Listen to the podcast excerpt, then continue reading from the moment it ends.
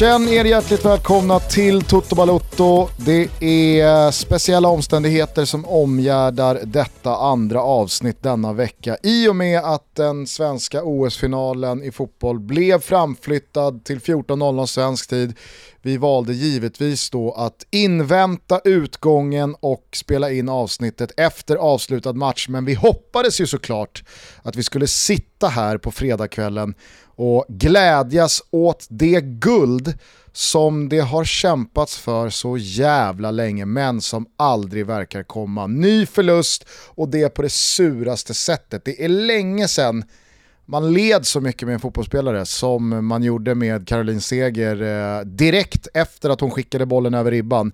Men sen här i efterspelet, jag har knappt pallat liksom konsumera bilder på henne och rörligt. Och jag, jag, jag, jag såg bara något citat i texten som jag läste att hela livet rasar samman där och då. Och då känner jag bara, nej fy fan i och med att Sverige inte har varit i några eh, VM-finaler så tänker man ju tillbaka på klassiska straffmissar som man ändå som svensk kanske ja, men kan sopa av sig sen. Man förstår att det är jobbigt. Eh, men, eh, ja, men VM-final 94 mellan, eh, nej det var inte, var det, var det straffläggning Italien-Brasilien? Ja det var det va? Jajamän, Baggio. Mm, ja exakt. Alltså, jag var ju på Skandinavium i, i Göteborg och såg den matchen så minnena kanske sviktar lite. Tror jag var 6 var det två åttor på, vet du vad det var på den tiden? Nej. Det var tre tvåor på den tiden. Mellanöl? Alltså folk, nej, men, nej. mellanölen den var typ eh, fyra. Och den, eh, alltså klassisk mellanöl idag typ, lika stark på 70-talet. Sen kom folkölen som var alltså tre tvåor innan man gjorde om det till två åttor och tre femmor. Jag vet inte vad det säger att vi hamnar där så tidigt in i avsnittet. Nej, kanske att jag är, kanske att jag är just, eh, som jag var då i Skandinavien, 6-3-5 år in. Jag vet inte. Men eh, nej, eh, det, alltså, du, du sa så här, ja, som man har hoppats på så länge och som Caroline Seger just har pratat om att hon har hoppats på så länge. Ja, men, framförallt alltså, som man, man har det. jagat. Ja, men jag måste säga det, alltså, under de här 120 minuterna så kändes det här som Sveriges match. Så jag skulle också vilja säga som man trodde på väldigt mycket, alltså med tanke på att Sverige var eh, ja, men en klass bättre ändå än, eh, än Kanada. Eh, och, eh, eh, det, det var Sverige som sökte Eh, målet under förlängningen. Alltså det var Sverige i 117 minuten som hade monsterläget att avgöra den där finalen.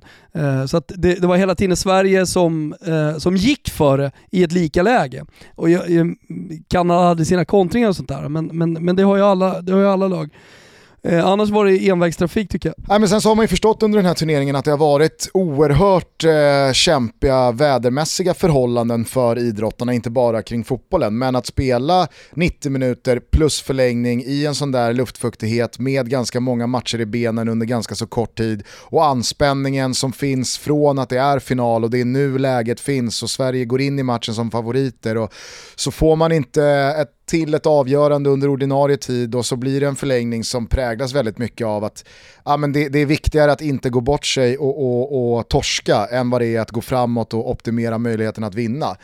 Alltså jag, jag, jag, jag fattar att det sliter något djävulskt både på kropp och knopp en sån tömning. Men det är ju i väldigt stor utsträckning en usel straffläggning. Alltså det är ju så dåliga straffar från alldeles för många. Nathalie Björn och Olivia Skog straffar jättebra. Kosovare Asllani, visst det är små marginaler att den går insida stolpe eh, och, och, inte in i mål.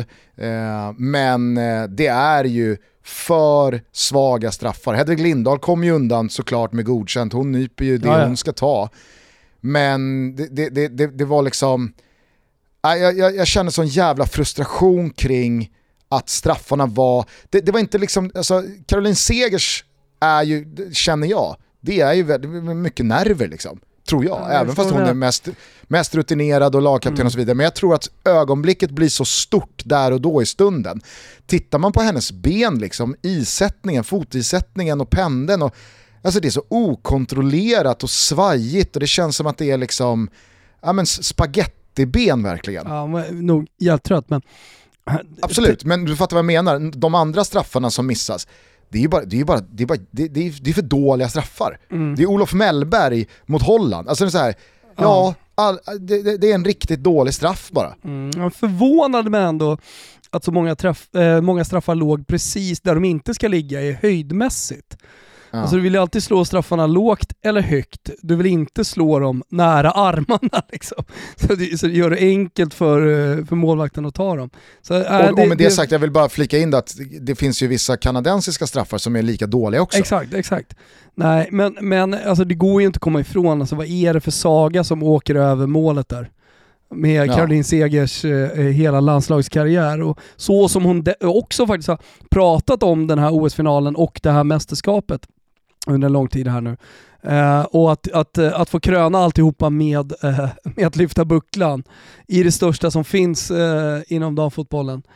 Eh, det, äh, det, det, det, det, gör ju, det gör ju ont alltså. Och eh, jag tänker också liksom att OS är på väg att ta slut, att det hade varit ett så fint avslut då att, eh, att vinna med Caroline Seger, sista straffen. Jag tror också att det gör någonting, hoppas inte Caroline lyssnar på det här, Eh, men, eh, men eh, det gör ju också någonting med hela, tycker jag, det olympiska spelet för Sverige. Eh, att, att vi hade, det, det är verkligen med, med lite sur smak jag tror vi kommer lämna OS istället för eh, att minnas det med Caroline Segers sista straff som sitter där mitt i mål där hon ville skjuta den ju. För hon var ju så taggad den kanadensiska målvakten. Hon visste att den här måste jag ta. Så hon gick mm. alldeles för tidigt. Och jag tror Seger ser det, hon ska bara lägga in den där i mitten. Men uh, ja, nej, vad är det för saga som går över mål alltså? Det är otroligt. Nej, och jag, och jag tyckte, alltså så här, många gånger, jag, jag lyssnade lite på radiosporten kring eh, handbollsdamernas uttåg. Ja, vad blev det eh, där? Jag tidigare. såg halva, eller 70% av matchen. Nej, men det var ju en eh, ihoppackning sista tio. De orkade eh, inte. Här, Sverige ledde med 21-20 med 12-13 minuter kvar och sen så tror jag att Frankrike gör fem raka mål eller något sånt Alltså det, det är bara en, är total, en, en kollaps sista 10-12 minuterna. Det jag skulle komma till var bara att vissa spelare, eller ganska många idrottare överlag, är ju ganska dåliga på, många gånger för att man får ganska dåliga servar och frågor från journalister och reportrar på plats.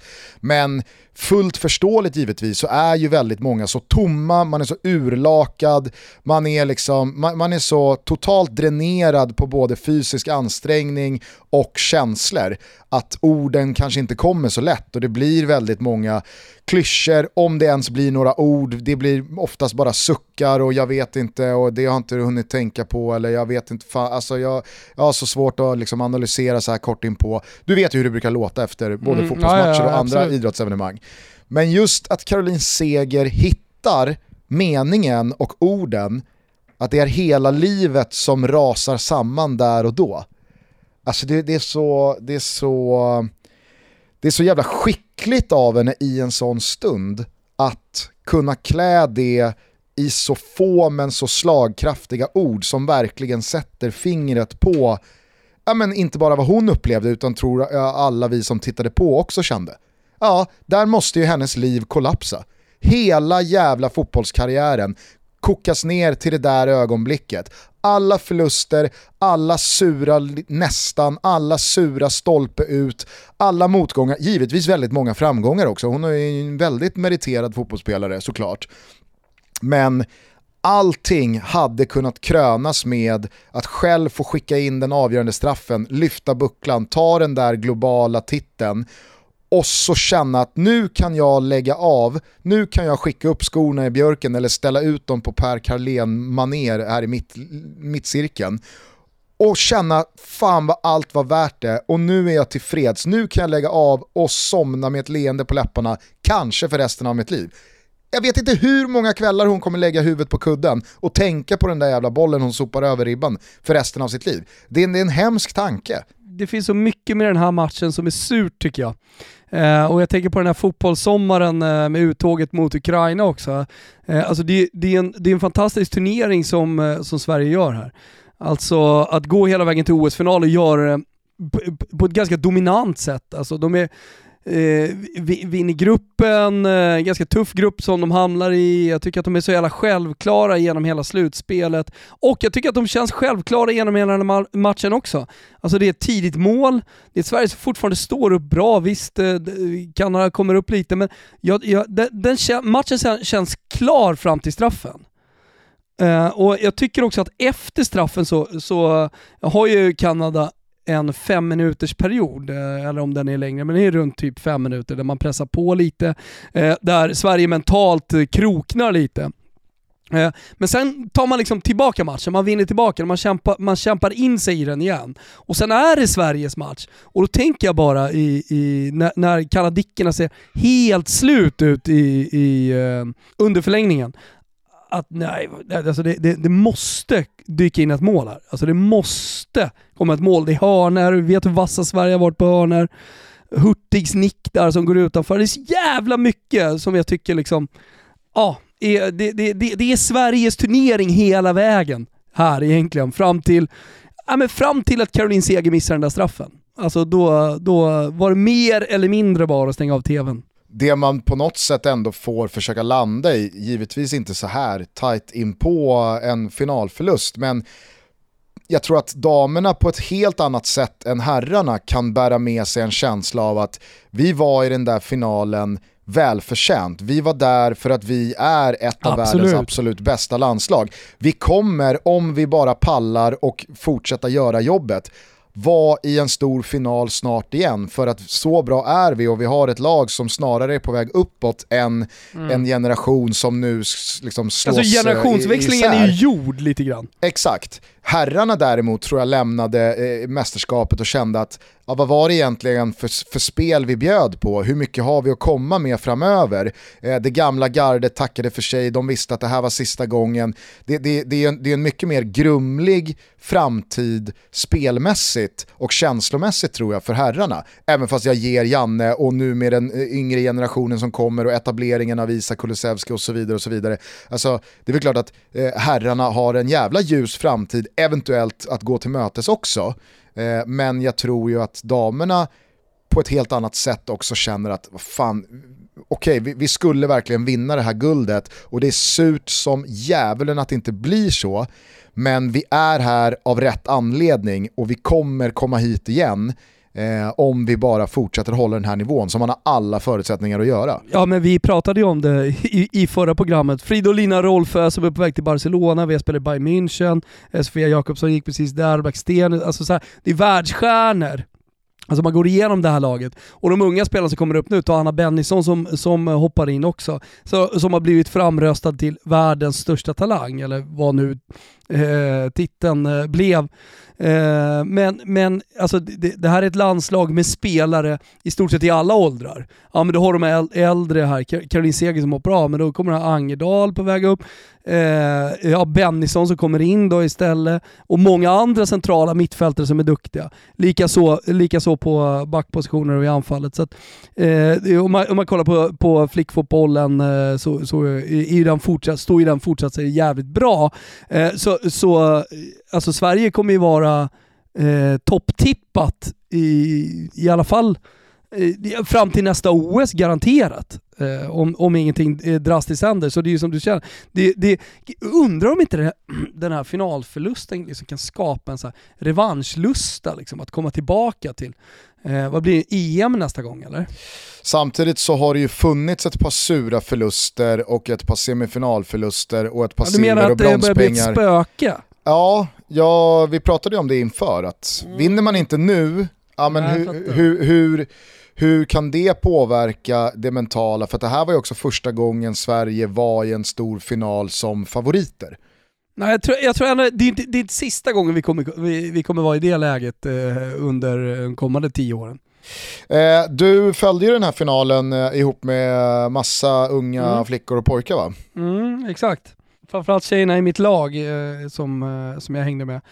Jag är lite nyfiken, eh, alltså, hur mycket, hur mycket liksom trauma blev en sån här förlust? Eller, eller mm. hur, liksom, hur lätt skakar fotbollstjejer och killar i, i 12-årsåldern Jag var med tjejer ska jag säga. Ja, men hur, hur, hur, lätt skakar de av sig en sån här förlust? Eller liksom, var de också helt knäckta? Nej, men vi ska möta BP's akademilag imorgon och eh, nej, men det är stor match. Det är, liksom, eh, eh det är väl eh, det bästa motståndet vi kan möta på i, i samma ålder.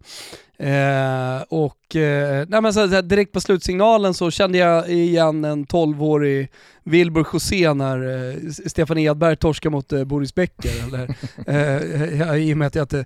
Jag, jag, jag, hade, jag hade inga superstarka... Fan vad du tog Edbergs uttåg ur Grand Slam-turneringarna hårt. Ja, alltså så, så inåt helvete. Alltså, tennisförlusterna när jag växte upp, det var fan de värsta.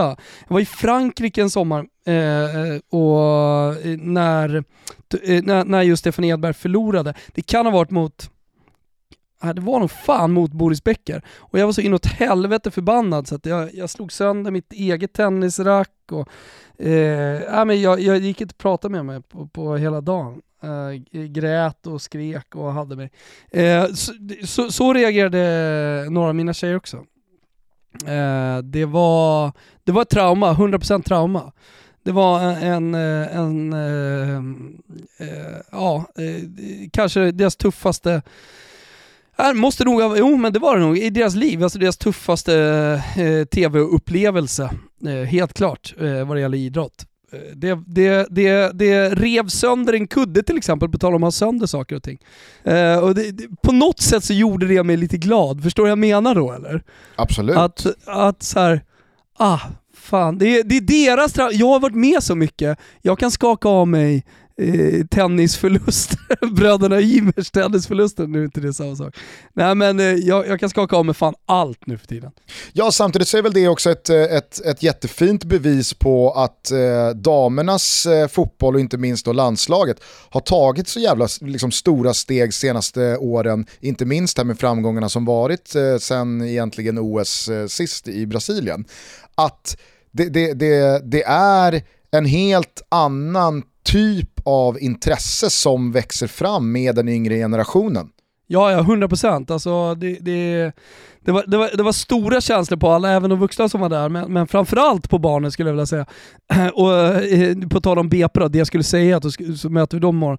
Någon timme efter, när det hade lagt sig, precis när jag åkte hem hit och satte, satte på play, då, då, liksom, då gaddade de ihop sig. Och jag, jag frågade, vad, vad står du och pratar om, vad är det? Jag såg, det var, det var eld i blickarna. Mm. Det var vansinne.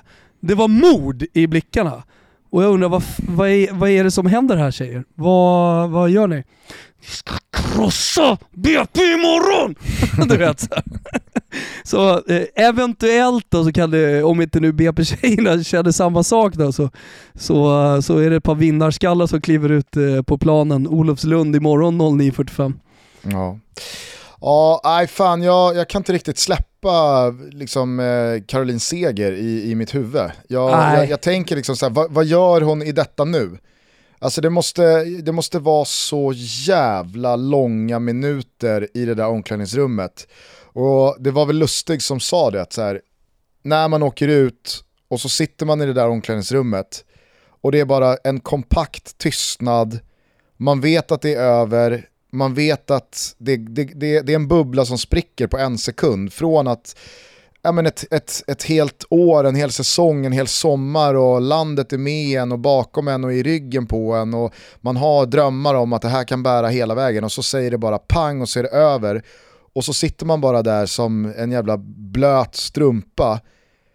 Men man vet också att du måste börja knyta av dig skorna någon gång. Du måste ta av dig benskydden, du måste ställa dig i duschen. Alltså just, just den stunden, ah, den måste vara så vidrig. Man måste vara så vidrig nu alltså. Ja, men eh, jag, jag, jag tror jag började titta bort någonstans när alla spelare satt och grät. Alltså så här, då, då, då kändes det, nej, det, det, det, det, det, det blev lite för jobbigt. Jag hade liksom, satt inte kvar och kollade på Stefan Edbergs eh, efter matchen intervju heller. Alltså, eh, när, när, när förlusten är ett faktum, då, då viker jag gärna undan och går ifrån och försöker tänka på någonting annat.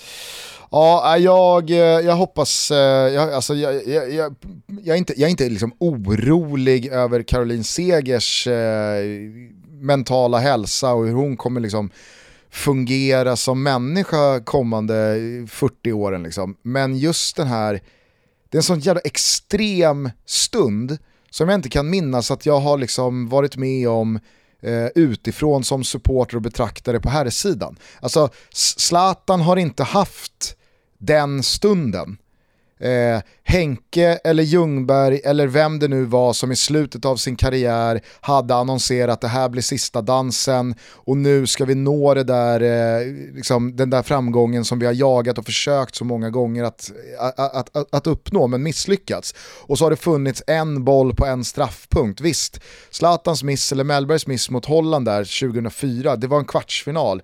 Vad hade det lett till sen? Båda fortsatte länge i landslaget efter det. Det, det är liksom inte samma sak som det här, ja men nu har vi, nu har vi liksom den här spelaren, en generationsspelare med lagkaptensbinden på armen, har chansen att sätta punkt. Ja, men jag, jag, tycker också att hon dominerar, jag tycker också att hon från sin mittfältsposition dominerar den här turneringen. Alltså det är, så, det är, en, så, det, det är en sån det är en sån jävla prestation sett i alla matcher som har varit, plus 120 minuter i, i den här finalen. Hon sätter inte en fot fel. Hon, hon, slår, hon, hon, hon sätter väl varenda passning, hon är snudd på 100% och då, då är hon dessutom ganska kreativ och modig i sitt passningsspel tycker jag. Eh, eh, det, det, är inte från den defensiva mittfältspositionen eh, eh ett, ett, ett, ett liksom sidledsspel. Alltså det, det, det, det, var upplagt för att den skulle sitta ribba in! Och det var ju verkligen inte någon Caroline Seger som fick åka med den här turneringen för lång och trogen tjänst. Eh, oh nej, utan, oh nej. Utan det var ju Det var liksom inte granen spelare... liksom. Nej, nej men exakt. Nej, nej fy fan. Jag, jag, jag får lite, lite ångest när, när liksom så här, det, det, det, så här blixtrar till i huvudet. Vad gör Caroline Seger just nu? Alltså hur är, hur är stunden när hon väl bestämmer sig för att ja, jag får väl knyta upp den här vänsterskon då. Ja. Ah, fy fan alltså. Oh, usch, usch! Jag känner nu också att, eh, precis som att jag ville stänga av när eh, Stefan Edberg hade servat gått på nät som han alltid gjorde. Är det någon som har tagit efter Stefan Edberg på det? Serv, retur. Det är ingen som gör längre. Alltså unikt jävla spel alltså. Vilket geni han var, Stefan Edberg. Äh, men, eh, när han hade eh, serv retur nät som hände, inte speciellt ofta, men matchboll för Boris Becker, serv retur nät. Eh, så, så stängde jag av tvn och jag stängde av när Caroline Seger hade missat och eh, kanadickerna, kanadickerna, okay. oh, trötta kanadickerna. Ah, ja. Canada Cup. exakt pyssla med jävla hockey. Eh, Stående ovationen för Börje Salming. Ja, exakt. Hur, trö hur, trött är man inte på den? Alltså ruskigt trött på den stående ovationen för Börje Salming. Alltså ungefär lika trött som jag är på att man nu ska grotta ner sig lite och man landar i Anders Gärderuds världsrekord för 511 gången bara den här sommaren. Men, eh, men eh, ja, då, då åkte tvn av, så ska inte vi gå, gotta oss, fan vi har varit igång snart en halvtimme, men i den här förlusten mer. Utan nu får det vara nog helt enkelt. Hoppas någon tar väl hand om Caroline Seger eh, i natt och sen eh, tror jag nog hon aldrig kommer känna att, gud vilket härligt OS-silver, eh, utan det var ett OS-guld hon förlorade den här gången. Eh, ja, och, och, jag menar, alltså, som jag var inne på, det, det, är ju för många som slår för dåliga straffar och på något sätt så är det ju kan jag tänka mig, skönare att missa fyra stycken än att det ska finnas en syndabock. Visst, Caroline Seger sumpar ju matchbollen straffen, men jag tror att alltså, för Caroline Seger handlar det inte om att jag blev syndabock, utan där handlar det om att jag sumpade det här läget. Sen så finns det liksom inte någon, alltså är det fyra spelare som av sex missar, ja men då får väl de bära den bördan lite tillsammans. Det blir inte den här eh, Roberto Baggio, Eh, även fast Baresi missade sin. Jag vet inte vad vi har för flera, men ta Kylian Mbappé här senast för att ta ett, ett, eh, ett mer nutida exempel. Där, han är ju den enda som missar när Frankrike åker ut. Då blir det ju väldigt mycket mer, ja men det är han som blir syndabocken, det är han som kommer må sämre än alla andra. Här är det ju någonstans delad börda på missade straffar, fyra spelare. Men det är ju Caroline Seger som, som, som inte på alls samma sätt som de andra har en straffmiss att skaka av sig som Kosovare Asllani. Ja, eh, men eh, man, man får väl både tro och hoppas den här gången att eh, det finns lagkamrater som tar hand om Caroline Seger. Till skillnad då från hur de franska landslagskollegorna till Mbappé hanterade honom med den franska arrogansen efter matchen och lämnade honom åt vargarna. För det var i alla fall så det kändes. Fy fan vilket piss och fy fan vad jag lider med Caroline Seger. Vi är sponsrade av K-Rauta och nu är det rea och dessutom kundklubbserbjudande. Det finns eh, väldigt många härliga erbjudanden just nu på krauta.se SE. Men såklart också i alla butiker. Man kan eh, till exempel då fynda härliga spabadet, sånt som jag har hemma och det kan jag verkligen starkt rekommendera till alla er som har till exempel en trall och kanske inte så jättemycket liksom, tomtspace. Man kan kanske eh, inte heller ha råd att bygga en hel pool.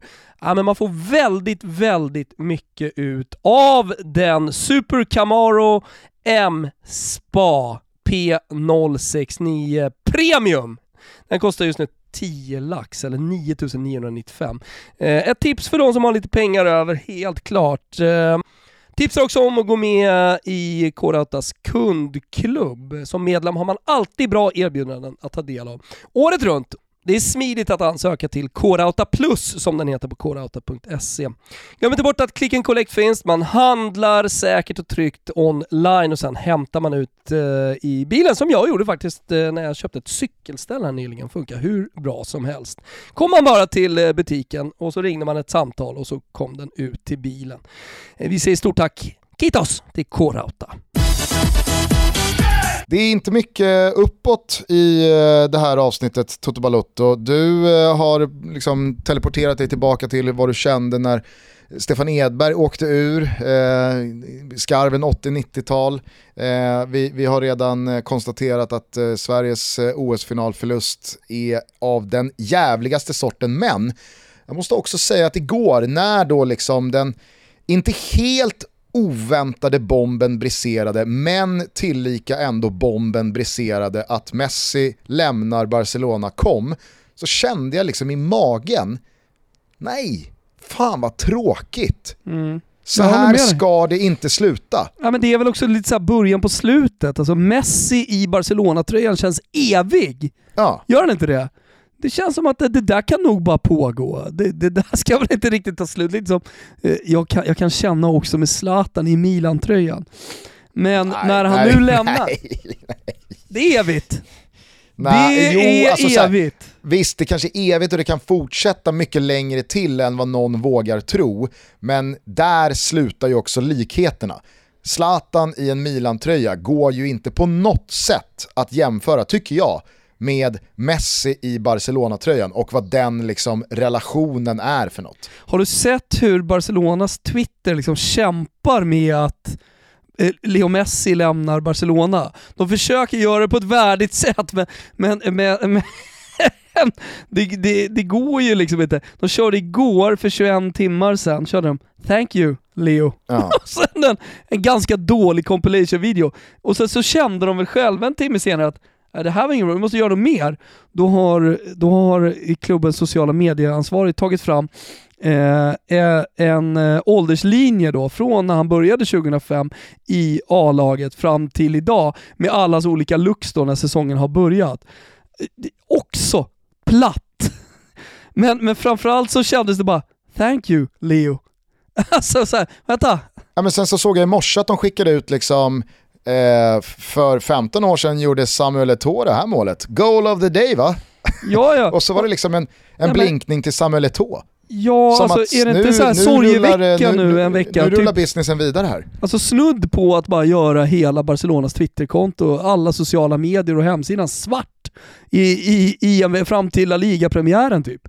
Alltså i, i morse också, today marks 85 years since Josep Sunjul i Garriga who was the club's president from 35 to 36, was assassinated by fascists. Och det var ju jätte... Alltså så här, jag förstår, man, det kanske är någonting som man alltid minns, men det var ändå så här, ja, och direkt efter det så kommer Goal of the Day då, Samuel Eto'o som du säger. Ja.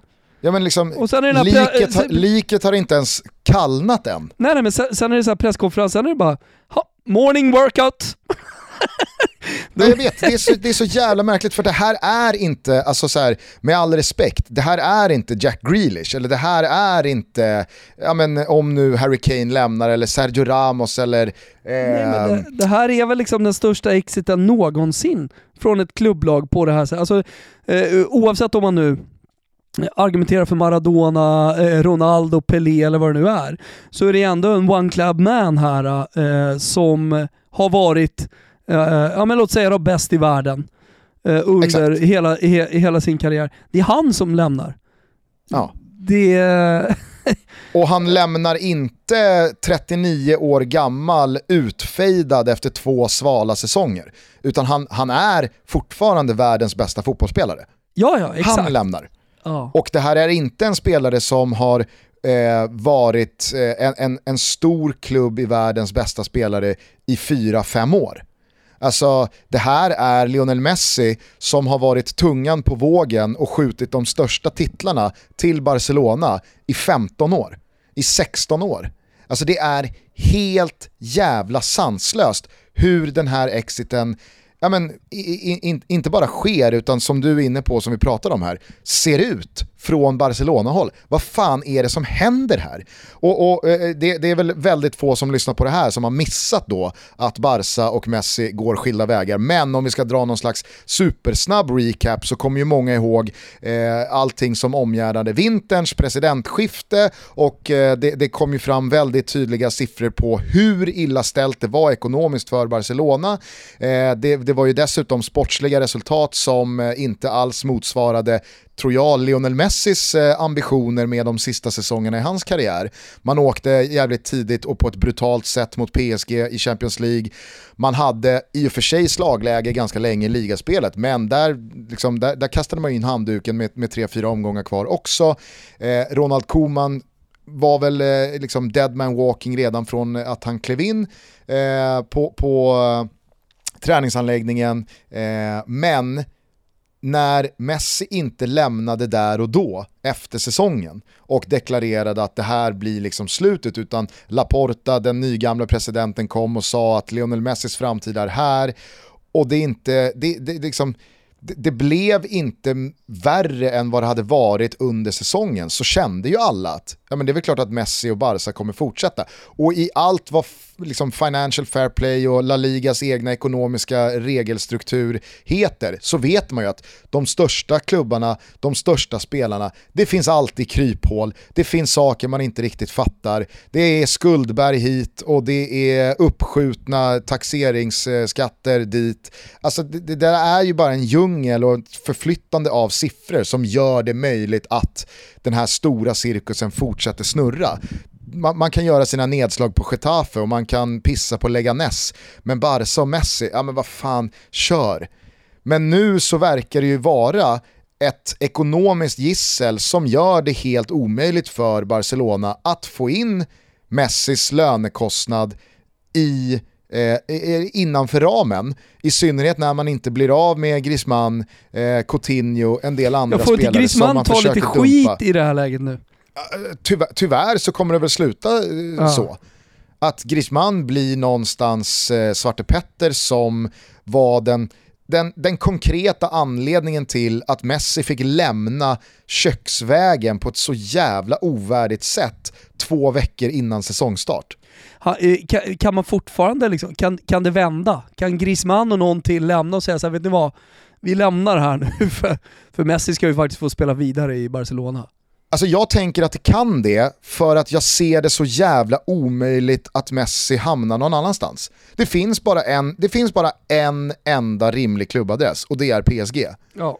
Eh, men med, med de pengarna de redan har spenderat eh, den här sommaren, med spelarna som finns kvar, alltså där är ja, men Neymar... Men de blir ju Harlem är... Globetrotters om, om, ska, om Messi ska in i det där gänget också. Ja, och, och, och jag tror faktiskt att liksom, så, så, så smarta är nog ändå de, de bestämmande personerna eh, kring PSGs sportsliga projekt. Att vad händer egentligen med spelare som Neymar, Mbappé eh, och en del andra spelare ifall Messi kommer? Alltså det finns ju ganska tydliga exempel på eh, vad, vad, vad vissa spelare har hamnat någonstans om man tittar på Messis tid i Barcelona. Ta bara Griezmann som ett rykande färskt mm. exempel.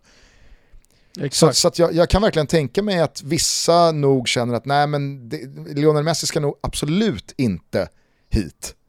Men känns det är också att, den enda klubben. Mm, känns som att när vi summerar Henrik Larssons tid som eh, någon slags hjälptränare i staben i Barcelona eh, så kommer man inte summera den med lika mycket ljus som man summerar hans, eh, hans tid som spelare i klubben. Det, det, ändå, ändå, ändå oväntat och onödigt sidospår måste jag säga. Ja, så onödigt så att det ändå blir relevant kan, kan jag tycka. Han är ju ändå där mitt i alltihopa. Jag kan tycka att det är på något sätt är lite lite sjukt. Ja. ja. jag vet inte, för att alltså, här, som, som, som du ändå gläntar på dörren till, är det här verkligen eh, skrivet i sten och definitivt? Ja, men alltså, det, Nej, jag vet inte. Jag, tve, jag tvekar också, jag, alltså, ja exakt, och jag tvivlar också. Nej, men det Dels... omvälvande är ju att Henrik Larsson står i omklädningsrummet, liksom när eh, Leo Messi är nere och hämtar benskydden och hårsprayen. Han har, eh, kör kanske ganska mycket produktfritt, men, men någonting har han i, i sitt skåp som ska hämtas. Så med, då är Henke Larsson där. Ja. Det är stort är på något sätt. Jag tycker att det är stort på något sätt att Henke Larsson är där när allt det här sker. Det kanske ja. blir en bok sen. Kanske. Eh, nej men det jag skulle komma till då var att jag tvivlar också för att det är någonting för skevt med den här kackiga kommunikationen från Barcelona. Det är så jävla tajt in på säsongsstarten. Det finns bara en eh, realistisk klubb som kan ta honom. Jag, alltså jag tror att Manchester City här efter den definitiva värvningen av Jack Grealish på 100 miljoner pund eh, och ambitioner att kanske plocka in eh, snarare då en Kane eller en nia eh, eh, snarare då än liksom en, en, en, spelare som kanske ska gå in och konkurrera med Raheem Sterling-positionerna. Eh, ah, men då, då, då, jag, jag, jag, hittar inte honom i Bayern München, jag hittar honom inte i Manchester United, Italien utesluter jag. Eh, andra spanska klubbar givetvis helt uteslutet.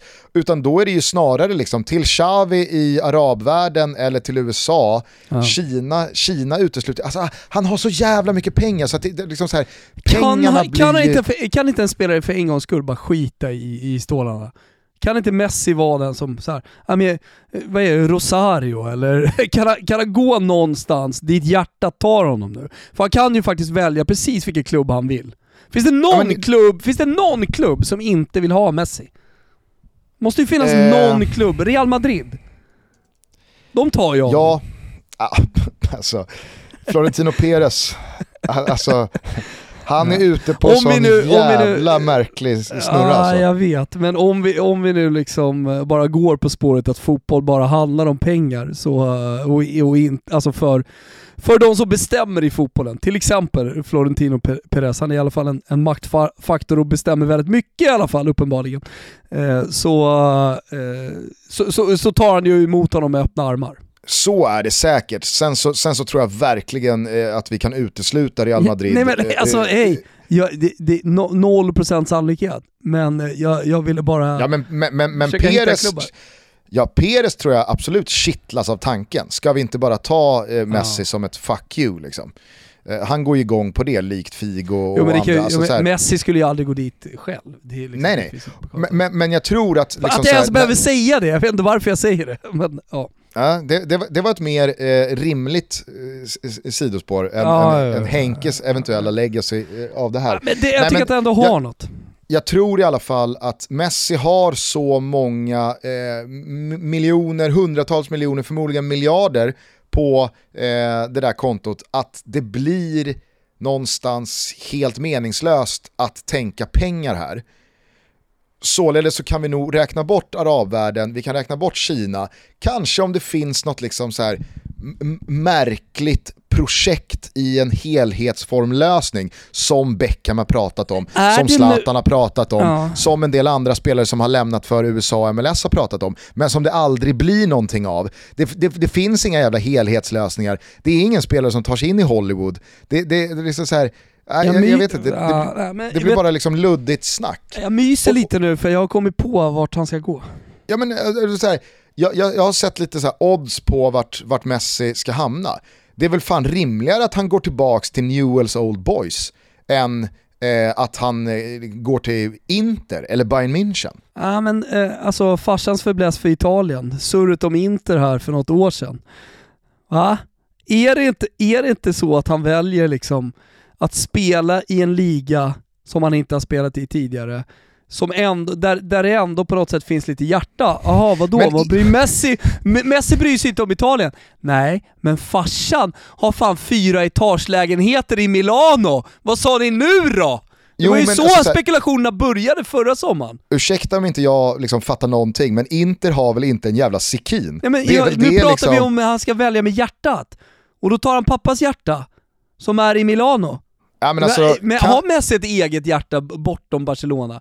Alltså Argentina såklart, men eh, New, Newells, alltså, finns, finns, det, finns det ett hjärta där eller?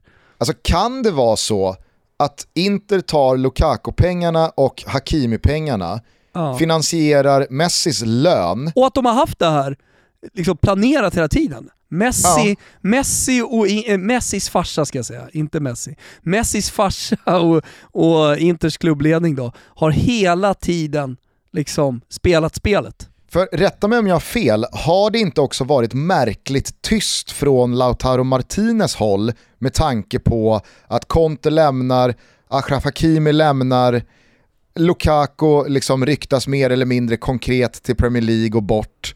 Alltså jag har inte sett ett enda missnöje från Lautaro. Eller någon annan spelare för den delen heller i Inter.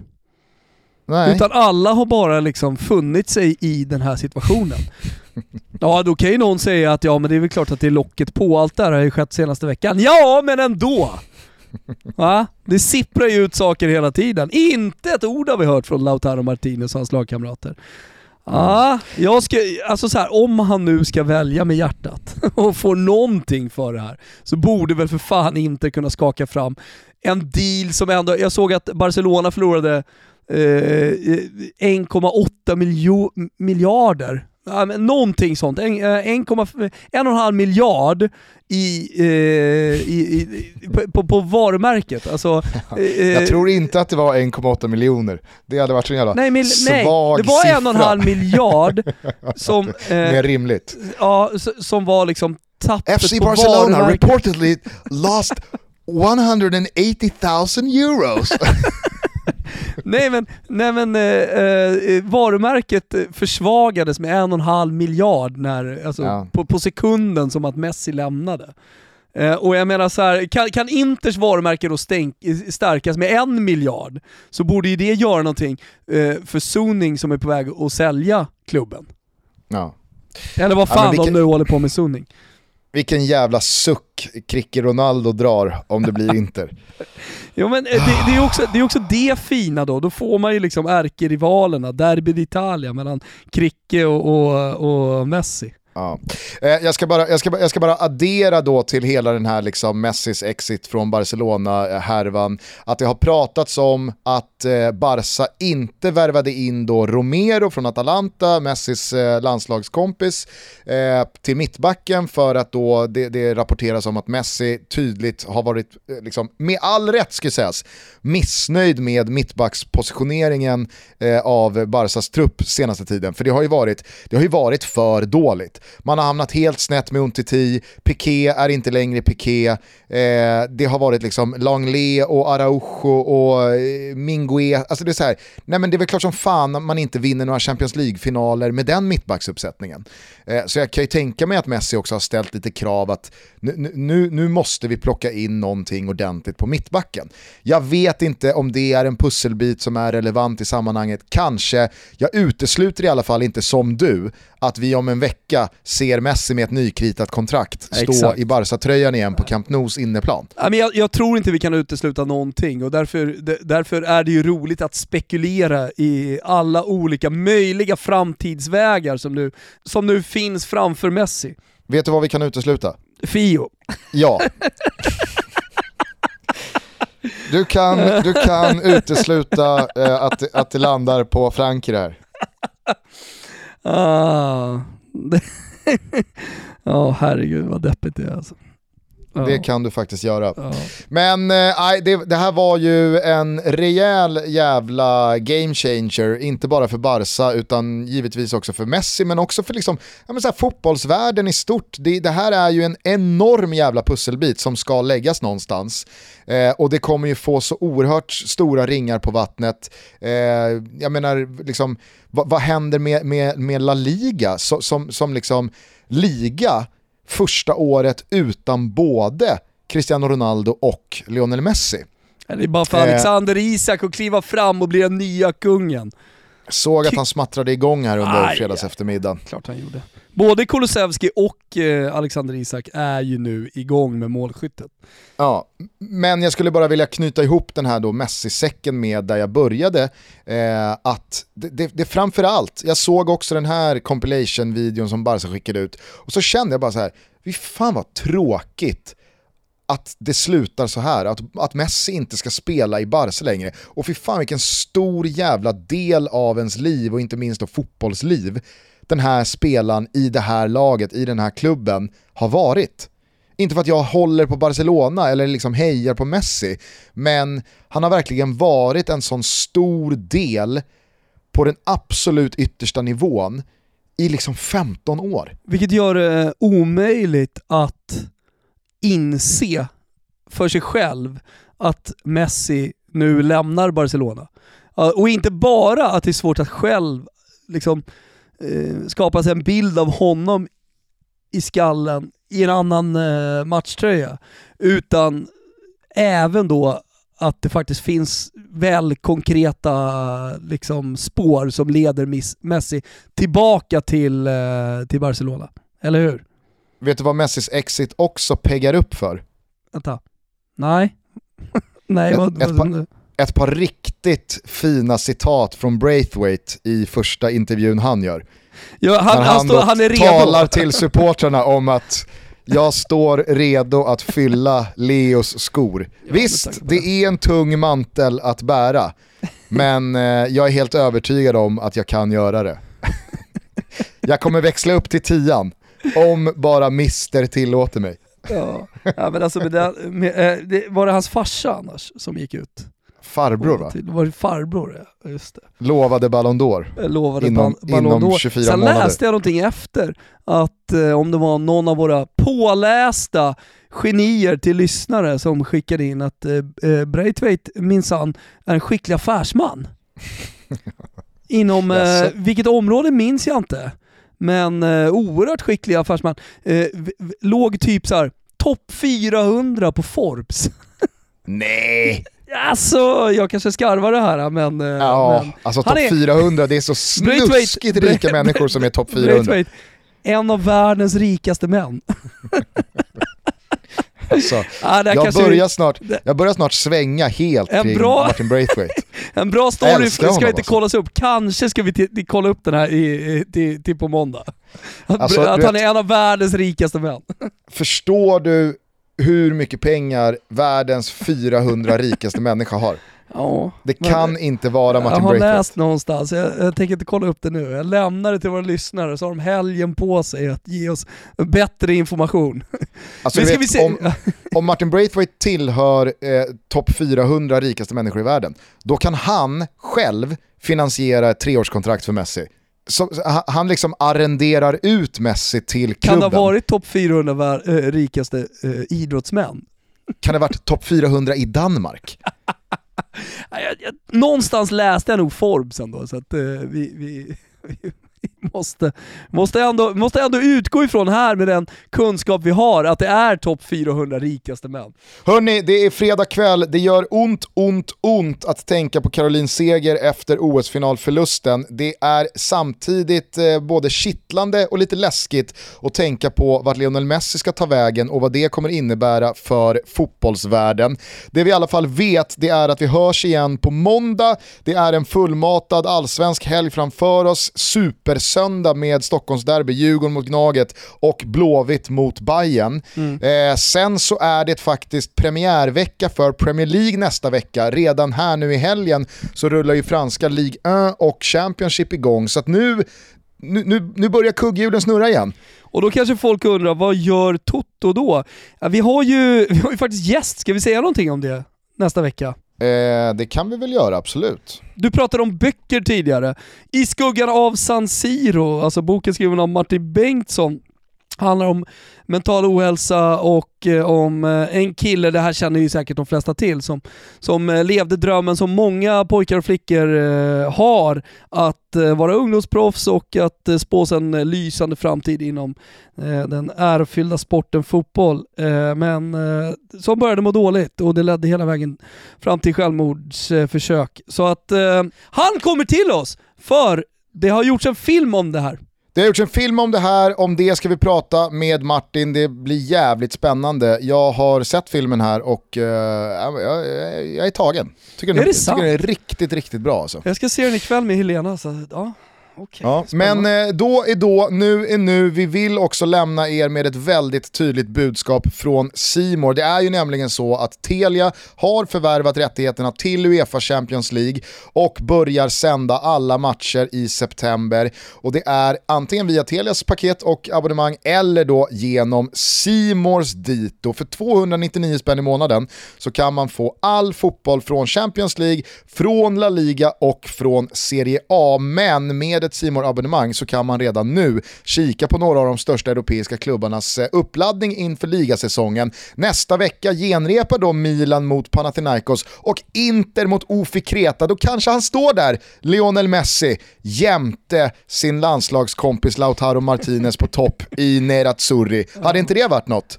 farsan på läktaren. Ja, det hade varit någonting. Eh, hur som helst så är det någonting med nästa vecka. Inte bara i Toto Balotto, vi ska ju dessutom snacka upp den här Premier League-säsongen rejält också. Har vi gäst spikad?